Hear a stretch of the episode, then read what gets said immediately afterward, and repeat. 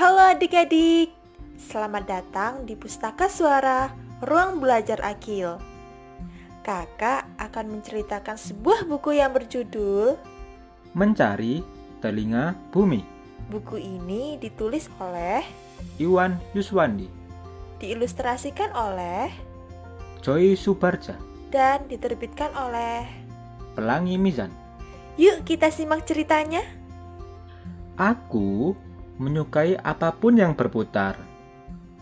Menurutku, berputar itu mengasihkan. Lihat tawon itu, ia berputar dengan indah.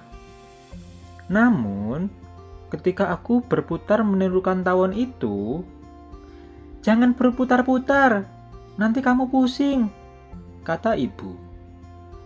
Padahal ibu pernah bilang, siang dan malam itu terjadi karena bumi berputar. Orang dewasa memang aneh. Wah, aku jadi penasaran. Aku ingin bertanya, apa bumi pernah pusing karena berputar terus? Ya, aku harus bertanya. Tapi, bagaimana caranya ya? Aku tidak tahu di mana letak telinga bumi. Tubuhnya terlalu besar. Hmm, mungkin lubang di tanah adalah telinganya. Aha, ini dia telinganya. Halo bumi, apakah kamu pernah pusing karena berputar terus? Tanyaku. Hmm, tapi tidak ada jawaban. Lalu, aku pergi mencari lubang yang lain. Halo bumi, apa kamu pernah pusing karena berputar terus? Tanyaku lagi. Tiba-tiba, Hei, berisik, aku lagi pusing. Benarkah kamu pusing? Tanyaku. Iya, aku lagi pusing. Menyingkirlah. Jawab suara dari dalam lubang.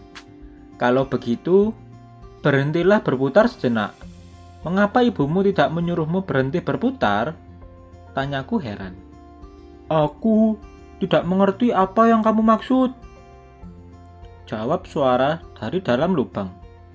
Ya ampun, Bukankah kamu bilang kamu lagi pusing? Itu artinya kamu harus istirahat terlebih dahulu.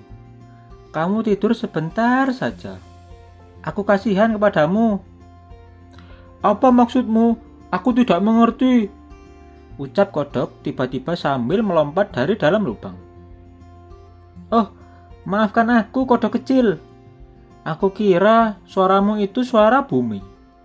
Aku hanya ingin bertanya, apakah bumi pernah pusing karena berputar terus? Kamu ini ada-ada saja.